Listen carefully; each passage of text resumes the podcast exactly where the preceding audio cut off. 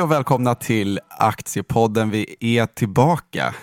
Jag, Karl-Henrik, Kristoffer och Jonathan. Nu är det veckoformat igen. Man kan ju tro att vi är lite schizofrena på det här stället. En storslagen comeback ändå. Absolut. Det känns jättebra. Vi har ju äntligen en fungerande struktur Ja. eh, för poddandet. Så vi kommer inte köra månadspodd, utan vi kommer faktiskt fortsätta med den här populära veckoformen. Varje måndag.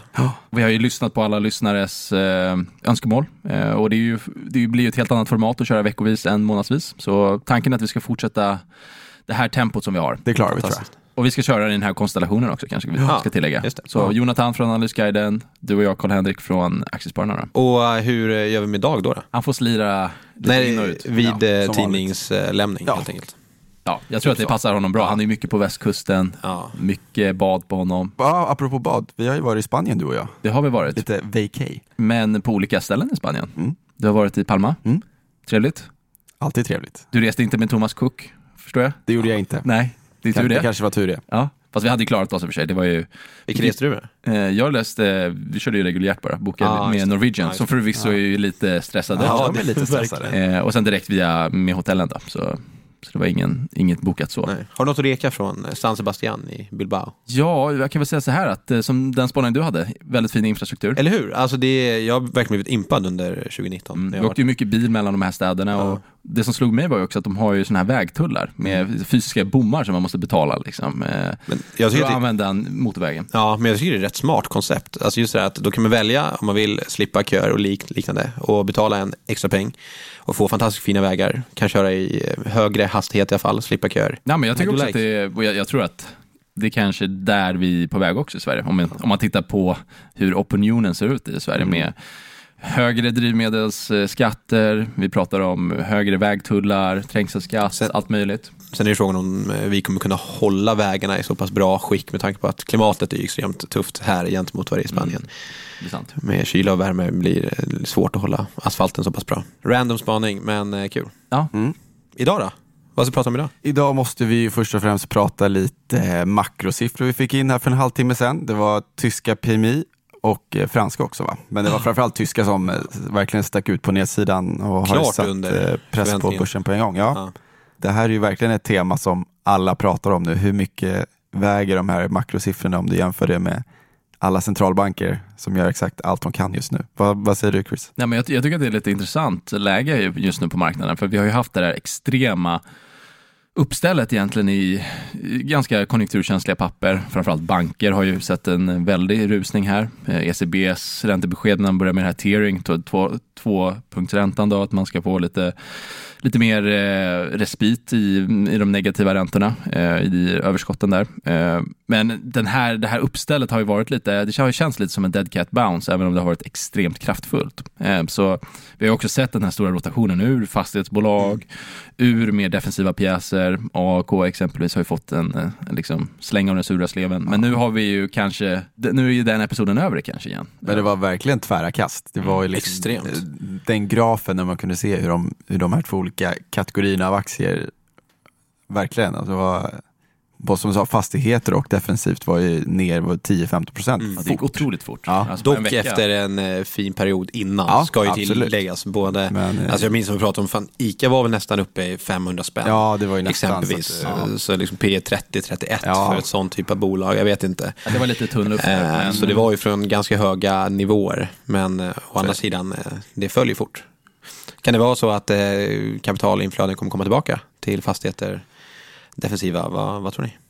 Ja, men jag tror det. Det finns ju ingenting som säger att alltså, ränteläget är ju fortsatt extremt gynnsamt om vi då tittar fastighetssektorn och deras affärsmodell är ju väldigt just kommersiella fastigheter. Det är ju någonting som känns väldigt bra just nu. Återigen, de här PMI-siffrorna, de är ju alltså supersvaga. Jag kommer inte ihåg vad exakta siffran var nu. Fusklappen säger att det var PMI på 41,4 för tillverkningsindustrin Ja, i. Tyskland, vilket är liksom lägsta nivån på jag vet inte hur länge. Det är depressionsnivåer. Ja. Så det är extremt negativt och eh, sen, ja, vi får väl se vad Trump eh, säger kring handelskriget. Han var ju lite positiv förra veckan men nu vet jag att det var några från Kina-delegation som inte dök upp i något planerat möte i Montana i USA så blev det lite nervös kring det. Så att, Det känns eh, som om rörelsen har blivit något mindre de senaste gångerna han har tweetat eller uttalat sig. Eller är det bara jag som har fått det?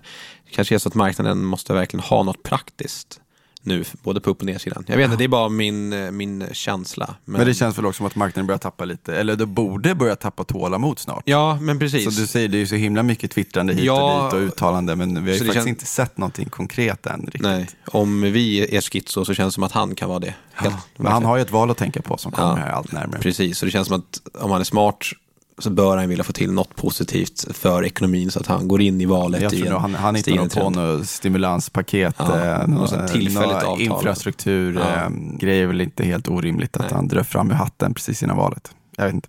Kanske någon militär upprustning också, som är lite Mm. på agendan nu med eh, Iran och Saudiarabien. Ja. Exakt. Jag måste lämna någon snabb kommentar om oljan har ju också varit helt galet. Ja, Fram, framförallt just det, förra föregående ja. vecka, Mm. precis. Rörelsen var helt galen, var, var väl upp som mest, här, över 20 procent tror jag. Det var en extrem Och- introdagsrörelse. Ja, verkligen. Och det har ju varit ett tema vi har pratat ganska mycket om här, både i podden men också i tidningen. Vi skrev ju här i eh, makrosegmentet Bull Bear inför sommaren om just oljan och att det är en krutdurk, särskilt Iran, Saudi. Eh, och då kom det här eh, som en blixt från klar himmel. Eh, oljan rusade, Lundin Petroleum som vi har pratat om mycket, som finns i korta portföljen också. Rusade ju på det, självklart. Man har ju sina tillgångar i Nordsjön, trygga Nordsjön. Även om det är höga skatter så är det fortfarande en väldigt bra jurisdiktion att vara i, i Norge. Eh, det är klart och tydligt vad som gäller. Även om eh, Greta-effekten här i Norden kanske gör att det känns lite ohett eller mindre, eh, vad ska vi kalla det, aktuellt att investera i fossila tillgångar. Men jag tror ändå att Lundin Petroleum är ett väldigt bra bolag att äga över tid. Det är en bra kupongaktie också. Men det är klart att vad väger tyngst där? Är det om konjunkturen har mattats på bred front, då minskar självklart efterfrågan på olja och dess raffinerade produkter. Eh, eller och så har vi den här geopolitiska oron som gjorde att typ 5% av världens eh, oljeproduktion gick offline Mm. liksom, över, över en natt. Eh, och det är extrem rörelse. För det är ju så att oljepriset sätts på, på marginalen. Så bara några miljoner fat över respektive underutbud kan få, få priserna Ja. att sticka Ja. både uppåt och neråt. Så, så det är absolut en sån här sex sigma-rörelse som det heter. Om man tittar på en normal fördelning så är det långt ut i vänstersvansen då, om man ska vara lite teknisk.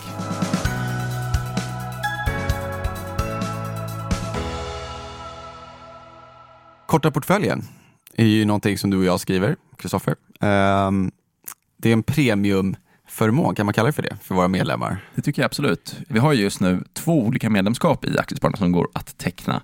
Eh, Dels har vi Premium, där man får hela smörgåsbordet med allt vad vi erbjuder. Man får den fysiska tidningen, man får korta portföljen i realtid, man får, kan läsa den på sajten när man vill. Aktieanalyser, drygt 50 per år, Precis. också i realtid. Också i realtid. Och sen så har vi mer bas där man får, kan läsa tidningen digitalt och man får basartiklar online med, med mera. Med Och mera. även då aktie och fondportföljer att ta rygg på som Och du, jag och eh, Dag Rolander eh, styr över. Precis. Och utbildning.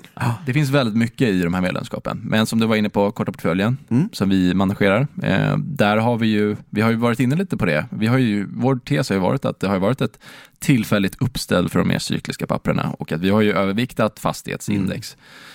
Eller fastighetsbolagen egentligen. Eh, Och det kanske var Och köpte på oss lite mer Ja. då när vi såg svagheten. Precis, det kanske var lite för tidigt i Diös-fallet, Mm. men eh, tittar vi Wihlborgs, Fabege och eh, Platser Mm. eh, så har ju de ändå eh, gått skapligt. Ja. Och nu har de ju studsat tillbaka, framförallt Wihlborgs Ja. senaste veckan. Så. Och de känns ju fortsatt bra att äga. Däremot en aktie som vi då med titeln eh, Tålamodet är slut och sålde var ju faktiskt Husqvarna. Det är ju en aktie som jag har pratat mig varm om ganska länge men när vi såg en Q2 som var lite svag och på något sätt så känns det ju som att efter den här senaste Ja, kapitalmarknadsdagen det är precis. De med hade- lite mer återhållsamma marginaler. Ja, man hade ju precis. hoppats att de skulle dra upp marginalmålen Ja. men man var inte riktigt så confident kring Mm. framtiden kan man väl säga. Och eh, även om man då i, i vårt fall, då i mitt fall, tror på en långsiktig liksom bra potential. Det de gör är, de gör mycket rätt och de, det pågår en transform, transformation i bolaget och jag tror de kommer kunna tjäna betydligt mycket mer pengar i framtiden. Så nu ser ju fortfarande tillväxten är lite av ett problem. Och Q2 var svag och liksom robotsegmentet med robotgräsklippare som ska vara liksom deras största tillväxtben var ju faktiskt ganska svaga siffror i Q2. Och då helt plötsligt om man då inte, eftersom många har penslat in de här 12 procenten i rörelsemarginal Marginal, om, och nu pratar de om kanske 10 då, då hänger det ju på tillväxten helt plötsligt. Och eh, där tycker jag att det finns alldeles för mycket frågetecken och då kring P 18 så tycker jag inte att det känns jättekul och den aktien har ju varit trög och vi har ju liksom på något sätt prövat den tesen några veckor och liksom, äh, vi tycker att den känns svag men vi, nu, det ser tekniskt ändå okej ut. Eh, vi har en kapitalmarknadsdag som hägrar så att vi låter den vara kvar men nu känns det som att vi ser ju bättre Casear ut kanske. Absolut, och nu har vi 5% i kassa som vi kan eh, investera i någonting som känns mer intressant. Kanske händer någonting på, på torsdag då? Kanske det. Mycket möjligt. Vi har ju lite trendstarka aktier, Lindab exempelvis. Den har vaknat. Portföljens största, ja. Och dessutom bryta över 100 kronor. Vi, vi såg ju, vi var ju verkligen, det är ett av de största innehaven i portföljen och eh, fick en tuff start. Har inte den konsoliderat rätt mycket mellan typ 90 och 100 under en längre period nu? Ja, det, det hade ju rusning där när vi plockade in den första gången. Ja. Från 80 spänn drygt till, ja då stack det inte 110 någonting. Nej, den Eh, pikade på 118 var Ja, jag tror det. Nå- någonstans där, nästan 120, men då är den nosade i alla fall. Mm. Eh, och sen så har den kommit ner ganska ordentligt. Vi tyckte den såg intressant ut ändå på 100, eller st- strax under 100.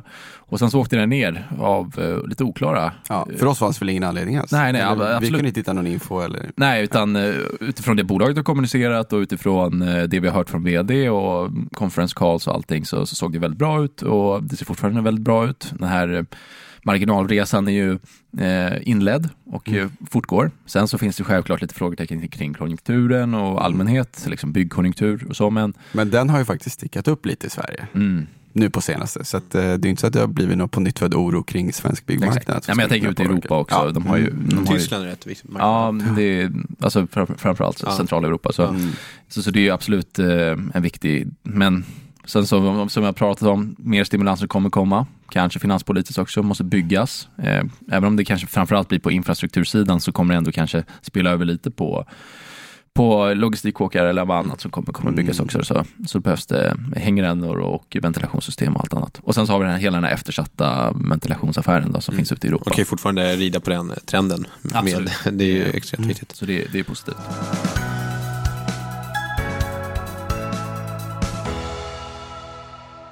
Jonte, lite Analysguiden tänkte vi att du ska få prata. Vad händer där nu? Ja, jag tänkte väl egentligen eh, presentera vad det är för de som, som inte vet vad du har lite eh, ny analytiker tjänst här är. inom området. Ja, men precis. Jo, men det har jag också. Kan, kan börja med att presentera vad det är för något. Eh, Då är det egentligen uppdelat i två, skulle jag vilja säga. Där den största delen av vårt hjärta är att vi har en uppdragsbevakningstjänst för, för mindre bolag framför allt. Men vi har väl, för sig SBB är med, det är ett stort bolag som vi har pratat om Chris. Vi har till och med Så- intervjuat Ilja och det, aktien har gått som tåget sedan dess. Exakt, och de är kunder i, i Analysguiden då. Fick sänkt rek idag dock såg jag. Kanske inte SJ-tåget tänker jag då, utan tåget i teorin, schweiziskt tåg. Ja, jag så. Ja, Förlåt, alltså det, det, Jonte. Nej, men det är fortsätt. helt okej. Ja. Men det är ju då alltså en uppdragsbevakningstjänst som vi erbjuder för mindre noterade bolag, mellanstora ska tilläggas då.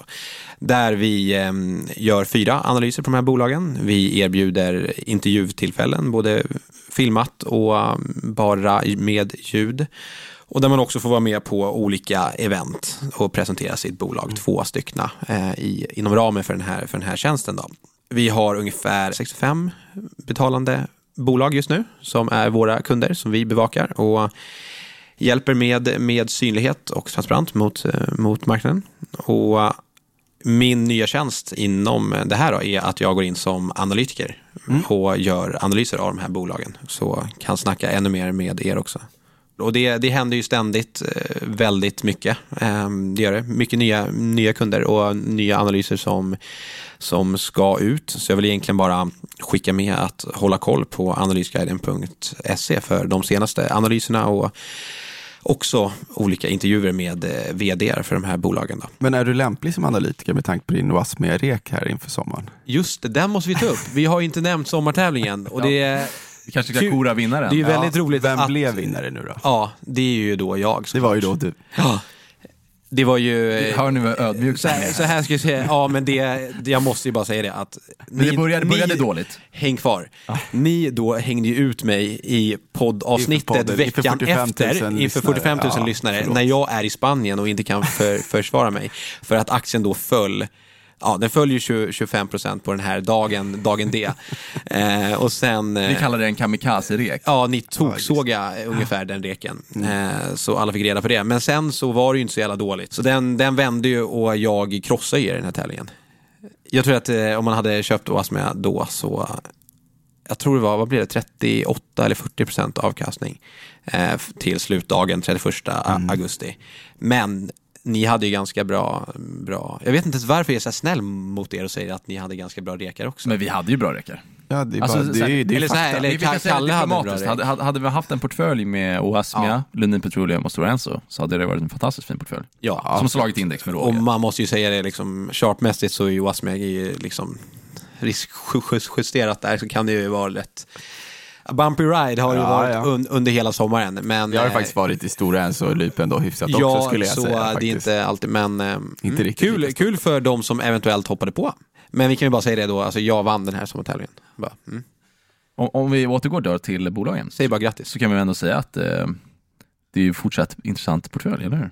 Ja, alltså jag, jag tycker det. Om man nu ska eh, försöka hålla kvar den här reken på Oasmia så har det ju hänt väldigt, eh, väldigt mycket positivt för dem. Och fram, framförallt att de har ja, skickat ut den gamla styrelsen och eh, verkligen börjat gräva och försöka förfina bolaget. För det, det är många duktiga människor som har varit intresserade av bolaget. Jag vet att eh, Next to be, jag vet om Bengt eh, Å, Ågerup, va? han var inne och ägde stor, stor del av bolaget förut så han såg ju någonting intressant i deras produkt och eh, framförallt deras plattform. Eh, och nu när vi har fått, fått in en del, en helt ny styrelse och eh, som börjar städa upp rejält så känns det som att bolaget på riktigt kan, kan blicka, blicka framåt och ta nästa steg mot att liksom bli ett, och de har ju faktiskt ett godkänt eh, läkemedel mot äggstockscancer i Europa. Så när de nu går in i kommersialiseringsfasen så um, tycker jag det ser spännande ut med en, en ny styrelse och ny, helt ny ledning på, på många sätt också. Ny vd och liknande. Så det finns på torsdag, eh, stämma på torsdag. Jag skulle vilja försöka ta mig dit faktiskt och Mm. kolla. Jag ska Är det om- Uppsala, va? Ja, precis. De har huvudkontor där. Ehm, Det ska bli väldigt eh, kul. Och den, eh, den gamla styrelsen blev ju, eller kommer troligtvis, som jag tror, bli nekas ansvarsfrihet, vilket är, är skönt också. Kunna bocka av det för aktieägarna om det är något, som- som, något efterskalv som kommer Mm. här. Så jag, jag tycker det ska bli spännande att följa, men som sagt det är ju hög risk fortfarande i sådana här bolag och vi kommer nog få anledning att följa upp Oasmi också. Jag tyckte det var lite intressant när de förflyttade rapportdatumet på grund av hög arbetsbelastning. Ja, men det var den, den ganska... var lite rolig faktiskt. Är det en klassisk säljsignal eller? Jag förstår eh, anledningen lite mer nu när De- Deloitte kom med, med deras genomlysning av bolaget när de hade kollat på eh, massa gamla transaktioner från, från gamla styrelsen och liknande. Det var ju mycket fuffens. Så jag, jag tror att eh, den gamla styrelseordföranden som var faktiskt arbetande styrelseordförande också riskerar både fängelse och eh, annat skadestånd och liknande. Så det kan nog bli, eh, jag förstår att det har varit mycket med genomlysningen till deras försvar. Men absolut, det är alltid läskigt när ett bolag skjuter upp någonting av halvdiffus anledning sådär.